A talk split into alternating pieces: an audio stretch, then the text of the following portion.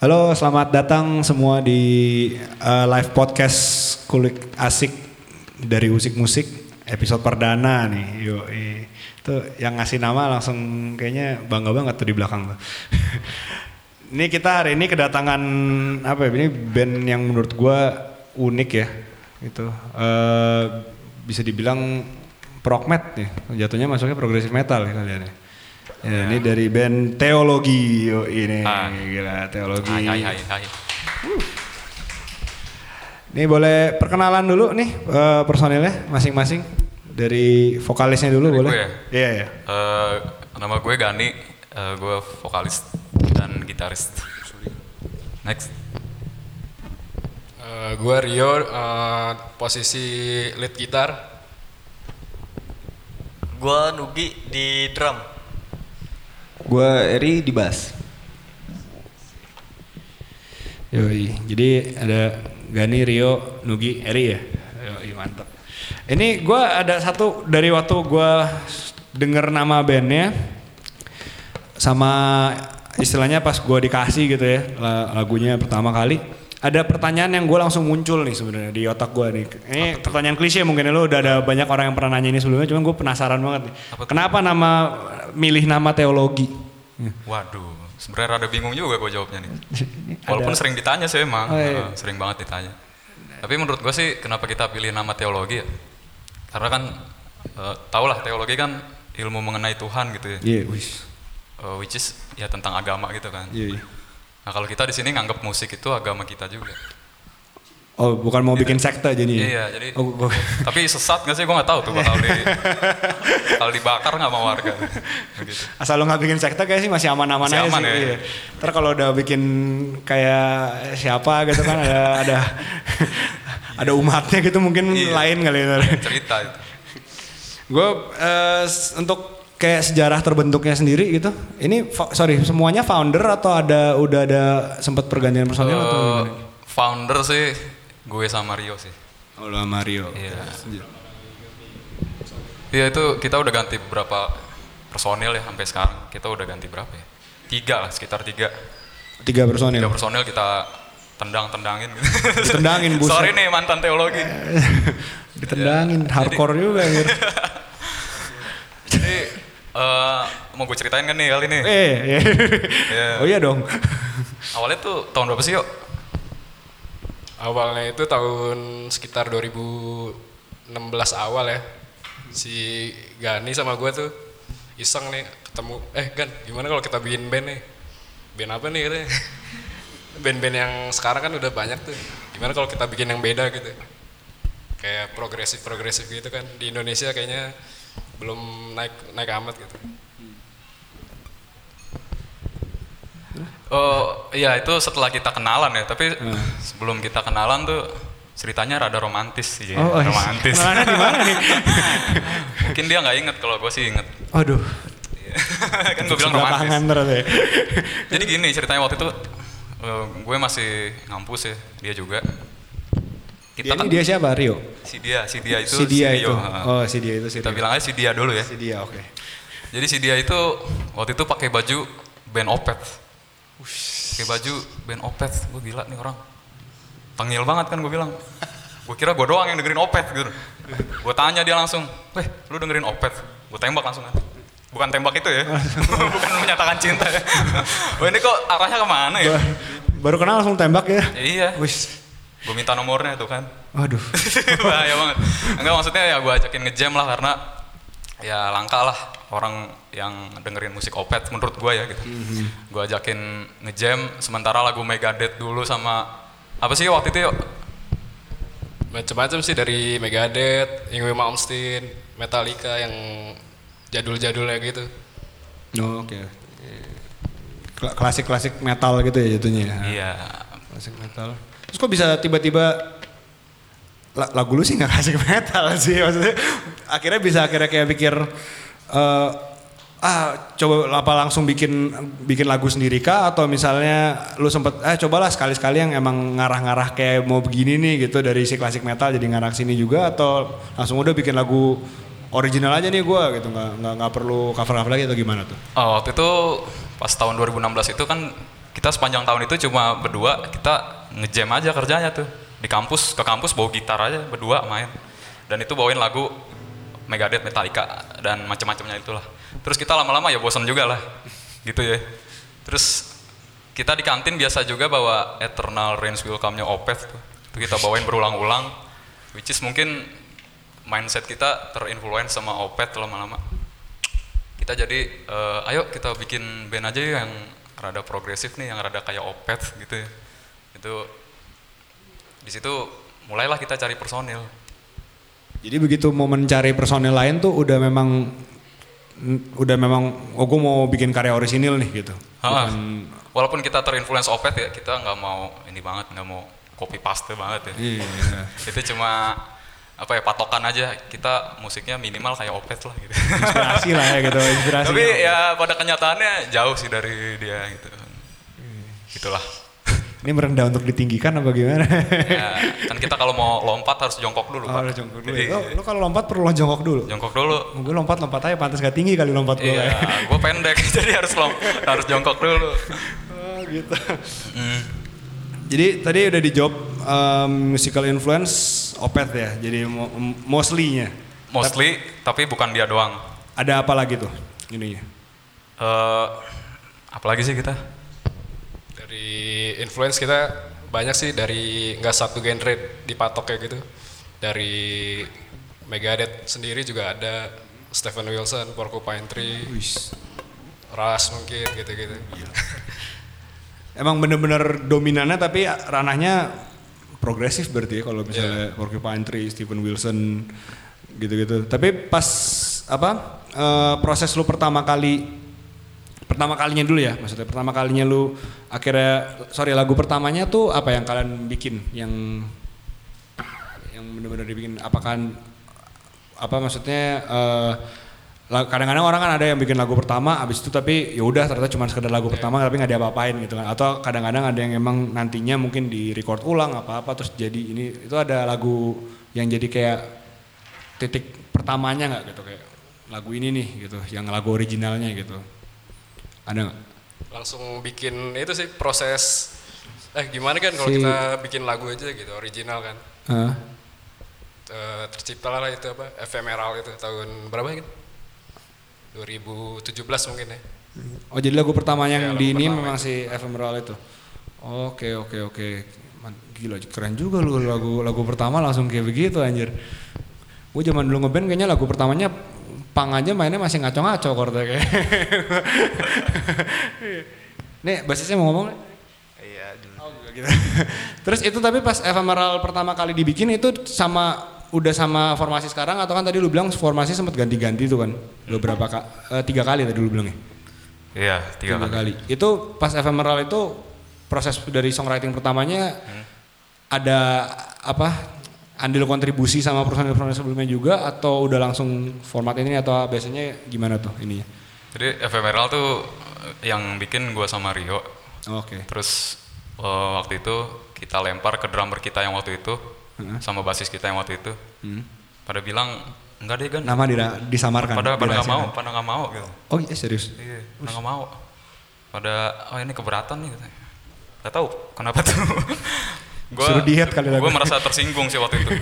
iya kali ya begitu. Lihat lagunya. Merasa tersinggung gua. Waduh, jelek banget kali ini karya gue ya. Akhirnya gue cari, ya udah karena gue merasa karya gue jelek, gue cari drummer yang rada jelek lah. Enggak, bukan mukanya ya, ini bukan bukan menghina fisik loh. Enggak, tapi waktu itu nemu drummer yang lumayan brilian di belakang gue ini. Ya, Oh. Nuk. Enggak juga. ya, Coba coba ceritain eh, waktu gimana Itu kita masuknya loh. berjumpa. Berjumpa. ya. Jadi ceritanya si Gadi sama si Rio ini dia masuk UKM band. Nah, di situ lagi ada gua. Nah, eh, mereka eh, ngejamboin kayak lagu Metallica, Megadeth gitu. Kata gua eh, lumayan nih. Eh, gua pengen coba ngejam bareng gitu kan. Dan ternyata eh, masuk juga gitu sama gua. Gua juga dengerin lagu-lagu itu juga. Ya udah di situ eh, ditawarin buat masuk teologi dan disuruh ngulik lagu Ephemeral itu. Nah di situ ya udah kita latihan latihan latihan langsung recording. Oh, berarti pas proses apa perekrutannya Nugi tuh udah ada berupa demo rekaman atau lu misalnya cuman videoin pas lagi latihan atau gimana? Dengerin. Oh, kita sih bikin cuma di iPad, rekam di GarageBand aja. GarageBand, oke. Iya. Nah. Terus eh, drumnya juga kan ngegambar gitu, Hmm. gitu. ya. Eh, kalau gitar sih ya tag langsung, bass juga ngegambar, bass juga. Bahasa juga gambar. Rajin lu gambar. gambar bass. Anak digital banget nggak tuh? Terus udah eh, ya kita ki- kasih ke dia langsung. Jadi Nugi ini jatuhnya drummer kedua udah. Drummer ketiga dong karena Tiga. Oh, soalnya setelah garas drummer GarageBand kan Oh, oh garasi. kan di GarageBand juga ada drummer Oh, dong. termasuk ya? Iya, kan ada nama-namanya juga tuh. Gue Iya, lupa namanya siapa aja tuh di GarageBand. Oh, yang preset ininya yang preset preset Iya, drummernya iya. ya. Kan ada yang berkumis, ada yang botak tuh masalah. Iya. Macem-macem. Drummer keduanya ini A- A- AI berarti ya. Iya, gitu. Gokil juga band. Terus kalau si Eri-nya masuknya gimana? Gimana Ri? Lu pas masuk Ri? Jadi gue kan waktu itu juga daftar nih, daftar UKM band. Oh, gue kira daftar masuk teologi anjir yang antri banyak gitu. eh, gue mau dong jadi basis band lu gitu. Itu dulu drummernya dia, drummernya dia sempat daftar. Oh, da- oh serius? Iya, yang dulunya. Cuma kalau gue, jadi gue lagi di kantin tuh, habis daftar UKM band. Hmm. Tiba-tiba si ketua UKM band ini sekarang manajernya teologi kan. Ri, Orangnya ada di situ. Ya, oh, no, ya. Orangnya di tuh. situ, orangnya di situ. Ya, terus? Hmm. Ri, lu bisa main bass nggak? "Oh, bisa, cuma gue main gitar. Yaudah main bass aja. Yaudah gue kan ikut dah suruh main sama teologi tuh katanya manggung tuh gue cuma kasih waktu dua minggu buat ngulik lagunya dia yang ephemeral tuh ephemeral kan udah jadi Oh, lu ngerjain orang lu asli. Nah, udah itu gue manggung udah beberapa gigs terus disuruh jadi personil tetap dan gue juga merasa wih lagunya emang banyak headbangnya nih gue kan emang seneng sama headbang jadi yaudah gue join ke amat teologi Influence juga sama musiknya. influence gue juga mendengarkan itu oh ya influence juga juga gue juga mendengarkan itu cuma dulu dulu gue dengerinnya kayak BMTH ke post hardcore sih gue dulunya Ini basis ketiga juga nih. Basis keduanya si si Logic Iya. Pro eh Garage Band tadi. Ah, Basis oh basis pertamanya nih, basis pertama sama drummer pertama tuh berarti yang nolak, terus kedua, kedua artificial intelligence. Iya, ah, betul. Yang Ah, ketiga- jangan meremehkan AI ya. nih, nih. Dia bakal menguasai dunia tuh AI. itu. Hati-hati guys. Untung vokalis gak bisa diganti artificial intelligence ya. Bahaya juga ntar ini loh.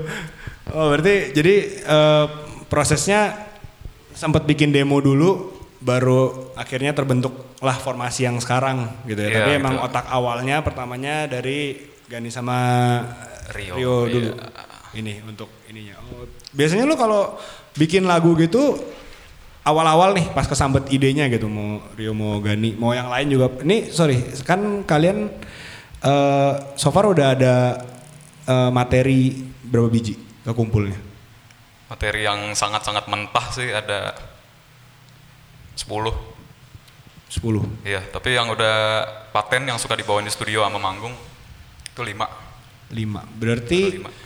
dari lima limanya itu proses eh, pembuatannya samakah gitu dari Gani sama Rio juga atau ada beberapa yang kayak yang lain nyumbang ide atau gimana gitu ide utamanya ide awalnya maksudnya ya Biasanya ada dua jalur sih kita. Jadi eh, terbentuknya lagu itu bisa melalui gua dulu, setelah itu Rio. Bisa juga dari Rio, setelah itu gua. Oh jadi tapi tektokannya mostly dari kalian berdua Iya, ya ha. otak ininya eh, komposernya. Oke oke berarti eh, coba gue nanya dari lu dulu kali Gan ya. Kalau dari lu sendiri pertama kali lu bikin bikin lagunya deh gitu misalnya idenya gitu atau lu eh, prosesnya gimana apa dari gitar kopong lu coba nyanyi nyanyi dulu bikin riffnya dulu atau gimana atau kira-kira gimana tuh ini lu bikin Eh, prosesnya? Kan kalau inspirasi kan muncul kapan aja gitu ya. Iya. Mau lu lagi nyetir, mau lu lagi masak, mau lu lagi sorry berak gitu ya. Katanya boker tuh paling paling Boker paling tokcer tuh katanya ini. sambil ngerokok ya kan. Biasanya muncul begitu aja kan inspirasi. Kalau di kalau di gua sih nggak tahu ya kalau di songwriter lain. Kalau di gua inspirasi tuh berupa nada-nada begitu aja kegambar di otak gua. Terus gua nebak-nebak aja pakai feeling ini nadanya apa ya misalnya. misalnya ada gue denger di otak tenenet gitu kan berarti tiga dua satu gitu. Hmm. gue apalin aja tuh. Begitu ketemu gitar yang mana gue semakin ke sini semakin rada jarang ketemu gitar ya. Itu gue praktekin langsung. Oh, oke oke oke. tapi sebelum gue rekam biasanya gue matengin dulu di benak gue baru gue rekam. Terus gue lempar ke yang lain. Biasanya ada satu dua part yang masih kosong. Itu gue konsultasi ke Rio. Yuk gimana nih riff yang enak diisi ke sini? gitu dan setelah itu kalau udah rada mateng lempar ke drummer sama basis Tadi, tadi lo ada mention kayak nebak nada terus kayak tiga dua satunya gimana? Itu emang dari kalian berempat ada yang memang background eh misalnya kuliah musik atau misalnya emang belajar musik atau gimana? Atau cuman ya yang sedenger lu keren aja terus lu coba coba-coba sendiri gitu atau gimana? Hmm, coba-coba sendiri sih Oh, maksudnya coba-coba sendiri. Iya. Soalnya tadi dia mention tiga dua satu kayak nada, oh kayak oh anjir bahasanya. Ya, itu sih yang gua denger sih, nggak tahu deh gimana. Kalau yang benernya gimana nggak tahu, tapi metode gua begitu. Oh metodenya begitu. Itu. Biasanya pas lu lagi hummingnya itu lu rekam dulu di HP just in case lupa atau lu pasti inget tuh kalau udah ada Enggak, sebelum gua rekam di HP, pasti gue simpen di otak gua dulu. Jadi gua inget-inget aja dulu, ntar juga matang gitu. Begitu udah matang dari dari verse sampai ref sampai outro-nya gimana ke gambar, baru gua rekam di GarageBand. Oh baru lu rekam di GarageBand. Oke. Jadi benar-benar jadi lu matengin dulu di otak langsung ke situ ya. Iya. Kadang kan ada beberapa eh, songwriter katanya yang Wah ketemu nada nih humming, rekam dulu di HP gitu. Iya, Nanti baru lupa gitu. dengerin lagi biar nggak ya biar nggak Iya, biar iya, nggak gitu. lupa, dengerin lagi terus baru di Ah, iniin ah, gitu, nyambungnya ke mana gitu. Kalau si Rio prosesnya gimana lu ininya? Soalnya kalau ini kan vokalis nih, jadi kan lebih biasanya lebih oh bisa sectionnya segala macem nyanyinya gimana gitu. Kalau lu gimana? Kalau gue sih rada beda sih gue eh, dari tercipta lagunya kayak sama tuh tadi inspirasinya dari kayak lagi boker atau gimana. Samanya di situ ya. Terus gue gue langsung ambil gitar sih tuh kalau nemu nada. Gue coba rekam riff-riffnya gue kumpulin. Kalau Gani kan tadi dia ngumpulin dulu sampai jadi satu bagian lengkap dari verse sampai sampai selesai lah lagunya. Kalau gue lebih ke part-partnya gitu. Jadi potongan-potongan riff ini nanti gue gua kirim ke Gani gitu. Oh jadi itu biasanya lu kirim ke Gani biasanya mostly eh, udah jadi berapa persen tuh kira-kira? Kalau dari riffnya sendiri misalnya? Mungkin 30 atau 40 tapi nanti di brainstorm lagi ulang. Ini riff ini kayaknya kurang atau bikin lagi cari lagi gitu. Oh, pernah ada kayak kejadian yang kayak eh riff ini kayaknya enaknya di chorus nih jangan di verse atau kayak Pernah pasti itu. Oh, apa? Pernah pernah. Pernah, pernah. Ini ya. Kadang-kadang gitu kan lu bikin bikin bikin lu pikir wah ini kayaknya enaknya gini bagannya taunya personil lain kayaknya ini bagannya kebalik atau gimana gitu pernah. Tapi biasanya begitu udah nyampe ke ke area Manugi itu mereka juga apa eh ini boleh ini dulu ya karena lu sesama basis nih. Gue nanya kalau dari lu biasanya eh, apakah pas misalnya Gani sama Rio ngasih lagu udah ditentuin, lu main bassnya kayak gini atau lu ada kayak lu cari-cari sendiri dulu ininya baru nanti lu brainstorm balik lagi ke mereka? Gue biasanya sih nyari bassnya tuh bareng sama mereka jadi gue setelah play, itu play musiknya terus gue main gan ini gimana masuk nggak oh iya ri boleh masuk tuh kalau nggak ntar dia revisi lagi gitu jadi nyarinya barengan gue kadang juga di rumah gue bikin bikin juga cuma lebih enaknya sih barengan jadi hasilnya lebih enak Biasanya gua hina sih kalau nggak masuk. Oh enggak. oh gitu. Hardcore juga ya anjing. Pernah ada baku hantam gak sih pas lagi? Tiap hari. Tiap hari. Belum lah ya. Apa tuh? Tunggu tanggal mainnya Iya, sampai tunggu baku aja. Kalau dari Nugi itu biasanya kan tadi ada biasanya drummer garage band dulu gitu kan. Apa biasanya lu apa lu coba ngikutin dari situ atau lu cuman itu jadi kayak basicnya doang sisanya lu iniin sendiri? Eh, biasanya sih mentahannya mereka udah di guide. Nah, gua tinggal nyari beat-beatnya aja. Nyari beatnya, fill in-nya. Kalau emang udah dapet, gua lemparin lagi ke mereka. Gimana ini? Udah oke belum? Kalau misalkan belum, kita ini lagi eh, isi lagi. Berarti pas momen momen pas Erinugi masuk tuh udah bareng-bareng di studio entah latihan atau apa atau atau gimana tuh? Atau misalnya cuman kayak mereka juga ngerekam sendiri di mana terus ngirim balik ke kalian atau atau gimana tuh yang yang prosesnya? Kita langsung coba studio sih. Langsung coba studio, Ah. terus lu brainstorm langsung. Iya, soalnya kalau lempar-lemparan via online begitu nggak bisa saling menghina gitu. Oh, Iya. kurang afdol ya. iya, kan kalau langsung kan bisa langsung hina aja gitu. Iya, kalau lu bales ininya WhatsAppnya Iya. maksud lu hina ataunya dibilang oh baik nih dia gitu kan Iya, Nggak nyampe gitu. ternyata maksudnya. Salah kaprah. kalau ngomong langsung kan tonnya langsung dapet gitu. iya, gitu dia. Nah, lu se yang gue nanya ininya proses songwritingnya biasanya nih, biasanya satu lagunya itu bisa berapa lama makan waktunya kira-kira? Dari mulai songwriting, sorry gini dulu, sebelum songwrite eh, dari songwriting ke recording itu apa kalian oke jadi satu lagu songwriting terus kalian recording lagunya itu atau kumpulin lagu banyak baru record jadi langsung record semua gitu? Itu gimana tuh prosesnya? Kita sih kumpulin dulu sih, baru mau record sekaligus semua. Oke, berarti proses songwritingnya sendiri biasanya berapa Kalau songwriting hmm, biasanya gini. Kan eh, kita bikin lagu eh, satu dulu misalnya ya. Mhm. Terus itu udah berjalan satu bulan nggak kelar-kelar ya kita diemin aja dulu. Oh gitu. Iya. Tapi kita ngerjain lagu lain dulu gitu. Jadi secara barengan gitu, paralel aja. Oh, oke, Nanti ada oke, yang oke. selesainya dua bulan kemudian, ada yang selesainya tiga bulan kemudian gitu. Oh, jadi tapi rata-rata biasanya sampai level yang bulanan ya untuk satu lagunya tuh bisa ya cukup. Eh, ada sempet eh, sehari doang udah kelar gitu. Wih, gokil. Jadi nggak nggak ini juga, nggak nggak nggak Oh, nggak ada pasti yang berapa bulan. pasti ininya gitu. Nggak ada yang kadang-kadang orang oke kan ada yang timeline nih dibikin timeline. Iya. Pokoknya sampai segini nih kita Iya, songwriting semua nih gitu. Heeh, Ntar iya. sampai sini udah mesti re- record gitu. Iya. Nggak ada ini lebih kayak ngalirnya aja gimana gitu ya. Iya gitu. Oke oke oke I see, I see. Ini kegiatan bandnya sendiri nih yang lagi disibukin belakangan apa nih?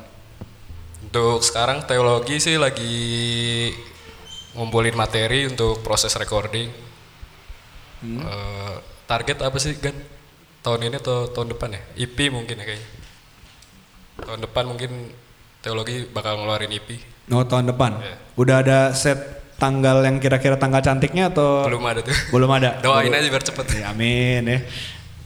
Eh, terus eh, udah dalam maksudnya proses eh, recording tadi kan dibilang yang udah udah kelar lima lagu ya katanya kan. Itu maksudnya eh, kelar udah sampai level mixing mastering atau maksudnya udah di udah di udah kayak fix nih pasti nih lagunya bagannya begini gitu-gitu segala macam. Fix lagunya bagannya udah seperti itu gitu. Hmm, tapi belum maksudnya belum benar-benar yang kayak proses Perekaman mastering baru setengah jalan sih. Udah berapa lagu yang kerekam? Sorry. Udah berapa sih? Tiga ya, kalau nggak salah. Tiga dari lima yang yang fix berarti. Oke oke oke. Eh, kalau lu misalnya apa kayak kan dari tiga tiga dari lima lagu itu kan tiga dari lima lagu itu eh, proses pengerjaan yang so far nih berarti tiga lagu itu itu berapa lama tuh Eh, selesainya selesainya ya recordingnya dulu Hah? belum sampai mixing mastering ya perkiraan sih bulan depan sih udah. oh jadi ini benar-benar lagi on progress di Iya, situnya ya? gitu. lagi lagi on progress buat Iya, betul. buat si recording berarti. Terus kalau yang rencana rencana langsung EP atau ada single-single dulu kira-kira? Mungkin bakal single dulu karena buat ngetes ombak dulu kali ya. Oh ngetes ombak. Single dulu. Single Tapi dulu. kan lu udah ditembak sama dia tadi. udah ditembak sama si Gani tadi kan. udah, udah gue terima kok. Oh, udah diterima. Berarti udah gak single lagi dong ya. nah, itu eh, berarti lu ngetes ombak dulu eh, single.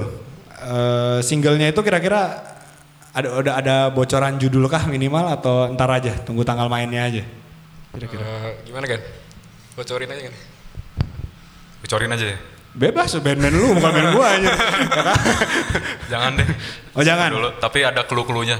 ada clue-cluenya? Iya. Clue-cluenya mau dibawain nih kira-kira ya? Eh, enggak hari ini, not hari today ini, ya. nggak hari ini. Oke, oke. Soalnya eh, ada part yang kayaknya kalau dibawain akustik putus nih. Saya nanti. Wanjir. Lebay ya. Untung nggak kebelah gitarnya. Kalau bawain live akustik. Itu eh, berarti so far tiga lagu itu kan yang lagi on progress nih. Hmm. Kalau yang ke depannya rencananya apa? Maksudnya rencana kayak apakah ada showcase lo live kah atau mau bikin kayak launching party kah atau atau tour mungkin atau misalnya ada acara-acara apa gitu yang lu mau jadiin kayak yang lu planningin buat bandnya gitu. Eh, planning kita sih dari nasihat Pak. Bulan Januari itu kita kayaknya ke Bali mungkin, Bali. mungkinan. Itu untuk tour atau Tour. laun- oh, launching partinya tapi di Bali jadi. Hmm, probably di Jakarta sih, Oh jadi di Jakarta terus rencana tour ke Bali ke terus Bali. pulangnya lewat Pantura ya kan kita lempar-lempar album. Albumnya dilempar ya? Iya. Bahaya juga loh. Promosinya bisa viral sih tapi kalau Eh, apa ada kayak gimmick-gimmick apa nggak dari band kalian? Misalnya ketika live kah ada konsep live-nya misalnya atau misalnya kadang-kadang band kan ada gimmick tertentu misalnya oh live-nya teat- teatrikal nih atau misalnya oh bikin apalah konser tribute dulu atau atau atau cover dulu atau apa gitu atau cover sambil original atau gimana atau gimmick dari kalian Kalau gimmick yang bawaannya bercanda sih, eh, yang paling sering aksi sih, Eri. Lo tau nggak Eri basis gua, Hmm. dia bisa salto, bisa salto, serius bassnya yang salto apa dia yang salto atau dua-duanya salto dua-duanya. Di- dijual terpisah tapi Iya. salto Sumpah gua seumur hidup baru lihat orang salto tuh dia. Kaget gua. sambil main bass Enggak sih. oh enggak oh gue kira Bukan. Enggak sebenarnya salto tuh gue dulunya ikut parkur, makanya salto. Dia dia melebih-lebihkan aja gue di panggung salto, padahal mah kagak. Tapi serius dia pernah salto. pernah salto tapi bukan di panggung kan Bukan. oh salto gue kira Di, ya pengen Gue pengen sih sebenarnya nyoba juga tuh di Indonesia kan belum ada tuh salto megang bass tapi gue mikir juga resikonya. Cuma kalau dicoba ntar mungkin. salto sambil megang bass atau sambil main bass nih Ya sambil megang aja. mainnya ntar dulu ya jadi lu ntar lagi main nih gitu lagunya habis baru lu salto gitu ya bukan masa Ya, kalau gimmick lain sih mungkin kita eh, ini ya. Kita mau bikin tribute to eh, anime Attack on Titan. Attack on Titan Iya. soundtracknya mau lu lu Eh, band Epica lu tau kan Epica? Mhm. Itu dia bikin album tribute to Attack on Titan ya mungkin kita mau begitu juga karena perkiraan kan tahun depan dia habis tuh end. Jadi mungkin serialnya kan Iya, gitu. serialnya habis Jadi mungkin ya itu mau kita jadiin salah satu momen juga sebagai gimmick aja. Oh, oke oke. Itu bakal konsepnya eh live atau kalian juga bakal rilis kayak emang EP atau Single kali ya. Oh, single, Ah. single yang emang khusus untuk gitu. Iya. Tapi bakal dibawain live juga ntar kira-kira. Bukan sekarang maksudnya nanti kalau pas udah Pastinya sih. Oh, pasti ya di, dibawain ya. Iya. Berarti, tapi kalau konsep live-nya sendiri misalnya kalau generalisasinya lah gitu, Ah. apakah biasanya kalian ada kan gue liat track recordnya ada sempat main di festival cukup bergengsi lah ya. Boleh sebut nggak nih? Tapi bukan oh sebut boleh ya. Tapi bukan sponsor nggak apa-apa nih. Nggak apa ya. Oh nama acara oke Hot Hotspot Festival ya pernah main ya yang pertama ya. Eh, iya, iya. Iya, Ah. yang pertama. Ah. Itu kan eh, itu pas kalian main boleh cerita sih maksudnya dari awal kalian bisa sampai main ke situ sama pas lagi mainnya apakah ada kayak Iya itu dari Aga sih. Oh, dari Aga, Iya, dia dari na- manajernya ah, ya dari Pak ya? manajer aja. Yang itu yang di ya yang di Cilandak waktu itu kita main di Hotspot. Eh, waktu itu ada cerita kita ngobrol terus udah gitu ditegor satpam jangan ngobrol nih. Ah, serius? Karena di mall ya. Iya. Terus gimana dong? Jadi part banyak part kosong gitu loh. Waktu itu. suruh satpamnya aja yang ngobrol apa? iya, mungkin dia pengen ya. Eh, ngiri dia. Iya, gitu- gitu gitu. Pak, Bapak aja deh yang gantiin Uh, ngobrol saya gitu. Begitu jadinya di, di situ kejadiannya begitu. Tapi nggak sampai disuruh potong setlist kan? Dia di borgol nih. Hah, serius loh? Ibu, boleh cerita? Katanya mau BDSM. An- Anjir. Kok ke situ ya jadi? Iya. Ya begitu sih waktu itu. Tapi keseluruhan tapi ini kan lancar kan? Maksudnya nggak ada sampai Eh. potong setlist atau mas udahan nih kelaran apa gimana? Enggak, enggak ada. Karena Tapi kan- waktu itu cuma dilarang keluarin Growl aja. aja. ya, jadi. Karena kan lagu kalian kan cukup panjang ya. Hmm. Kalau kita ngomong segi durasi gitu. Kadang-kadang ada orang soalnya kalau manggung tahu sendiri kan, terutama di Indonesia kadang-kadang ditanya berapa lama mas? Tiga lagu gitu. Tiga lagu satu lagunya 45 menit ya mati juga loh gitu kan tiga lagu gitu kan bukan durasi kadang-kadang Ah, ini iya, kan iya. itu apa pas kalian disuruh main situ emang dikasih jatahnya durasi atau lagu Eh, dikasih jatahnya durasi. Eh, kita nggak bawain ephemeral waktu itu. oh Iya, lagu-lagu yang lebih pendek aja gitu. lagu-lagu yang lebih pendek. Hmm. Iya.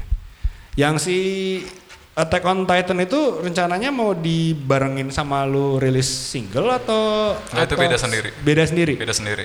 Yang duluan si single atau Eh, tergantung dia endnya kapan gitu ya. Kalau Oh, misalnya penulis komiknya mati besok, ya kita nggak jadi. Amit, amit. jangan, jangan, jangan. Karena gue suka itu animenya bagus banget. Eh, jadi tergantung dia ya kapan endnya ya udah kita keluarin aja single. Mau benar-benar cari momentum untuk Iya, kita- itunya ya berarti ya. Oke, ini gua ada mau eh, kalau dari kita nih ada ada mungkin bisa dibilang kayak apa ya kayak gimmick acara juga asik. Nggak cuma band lu doang yang punya gimmick. Ah. Acara gue juga punya gimmick asik. Nyolot tapi ngomong. Gimmicknya ini gini dari masing-masing personil kan eh kalian kan maksudnya lagu udah banyak ya gitu ya. Ah. Lagu udah banyak itu eh, ada nggak kayak part-part yang menurut lu favorit gitu. Favorit misalnya di lagu apa. Ntar masing-masing personil gue mau, mau mau nanya juga sih. Dari Gani dulu deh boleh. Misalnya ada part entah part nyanyi atau part gitarnya atau ada part apa yang menurut lu ini gue demen banget nih di sini. Part yang paling gue benci sih part nyanyi. oh part yang paling dibenci. Di mana gue nyanyi gue benci itu. Tapi kalau part favorit, ya sebagai songwriter semua part buat gue menyenangkan untuk A- dimainkan. ada yang lu tiap kali kalau bawain live tuh kayak bawaannya kayak wah anjir udah mau part ini nih gitu ada nggak Semuanya. semuanya Eh, bisa ada contohin satu nggak kira-kira yang menurut lu ini atau terus karena semuanya gue rada bingung nih. Eh, gimana? lu mash up aja gitu, ntar Hah? kita edit gitu. Enggak, enggak, enggak. Sa- Satu lagu ya, satu-satu part aja contoh gitu misalnya. Eh, dari apa ya? Dari lagu apa? Terserah, bebas. Lagu judulnya Revelation Opus sih. Oke. Partnya simple sih, tapi setiap part ini dateng, gue merasa, wah kayaknya headbang nih gue. gitu loh. Kayak apa tuh coba? coba.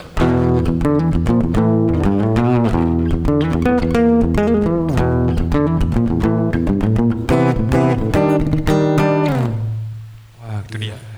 Gila deh. Nggak tahu setiap dia dateng, wah kayaknya rambut gue acak-acakan nih bakalan. Oh iya.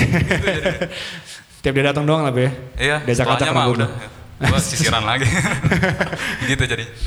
Itu eh, pas lu itu lagunya sorry siapa dulu yang bikin? Pa- Pas part eh, maksudnya terutama untuk part itu. Itu dari lu atau dari Rio? Itu Atau dari Ere atau dari Nugi? Gue. Dari lu. Pas lu bikinnya itu kepikirannya apa tuh?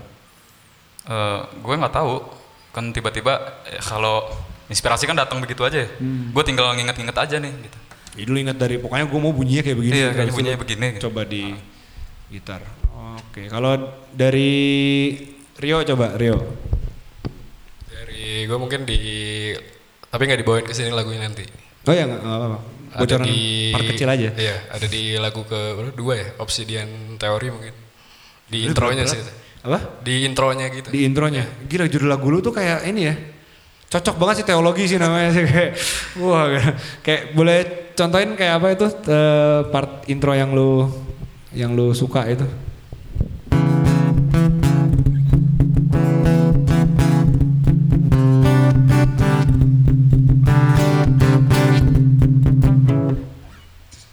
Itu lagu dari lu yang bikin ini. Oh, sama juga pas bikinnya karena lu pengen bunyinya kayak gitu aja gitu. Jadi nggak ada nggak ada yang kayak oh ini kalau dibikin berapa nih time signature ya 7 per 8 atau berapa nggak ada mikir ke situ. Pokoknya bunyinya maunya kayak gimana habis itu lu mainin gitu atau gimana tuh. Lebih ngajak ke headbangnya itu sih.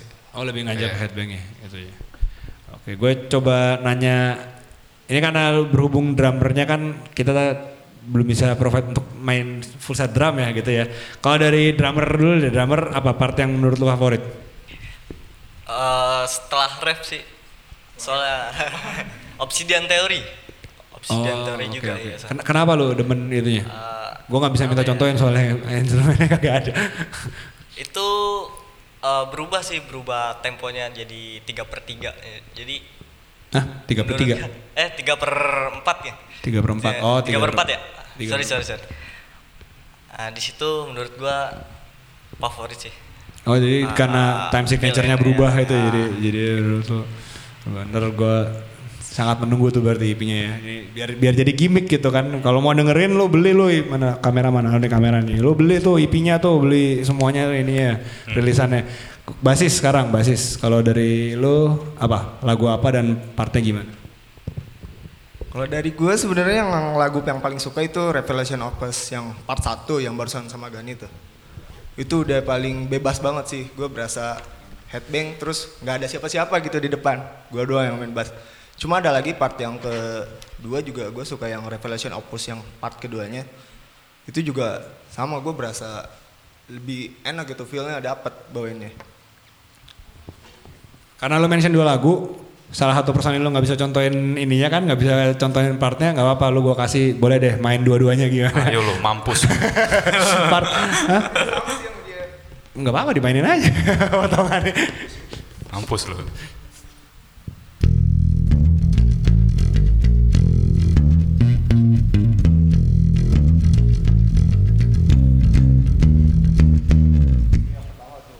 Itu yang pertama ya. Yang yang kedua Yang kedua yang ini.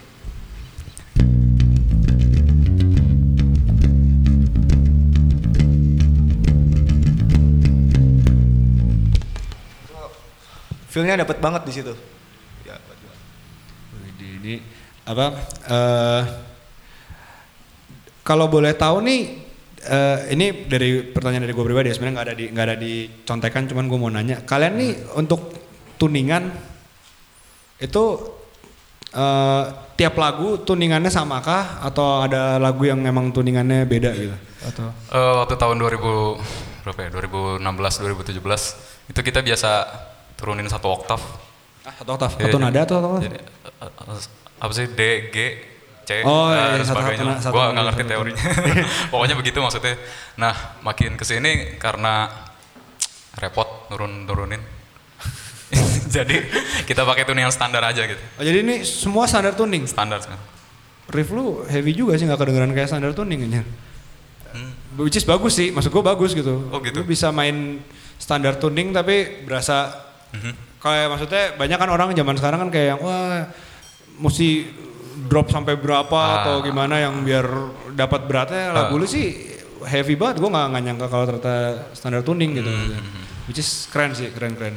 Amin. Hadiahnya keren, bagus bagus.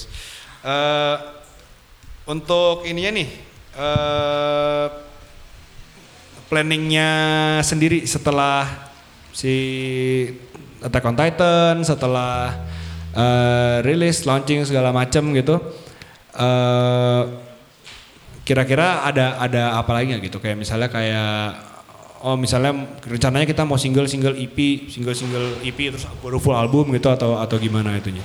Eh, mungkin rencana kita saat ini eh, EP dulu baru full album gitu ya. EP dulu baru Heeh. full album. Tapi nggak janji juga begitu. Nggak nggak pasti begitu juga. Mungkin ada perubahan rencana ke depannya. Ngikutin momentum aja. Oke oke jadi ini ya apa eh, masih inilah masih masih tentatif lah ya, Ya, ininya. betul. masih tentatif. Oke oke.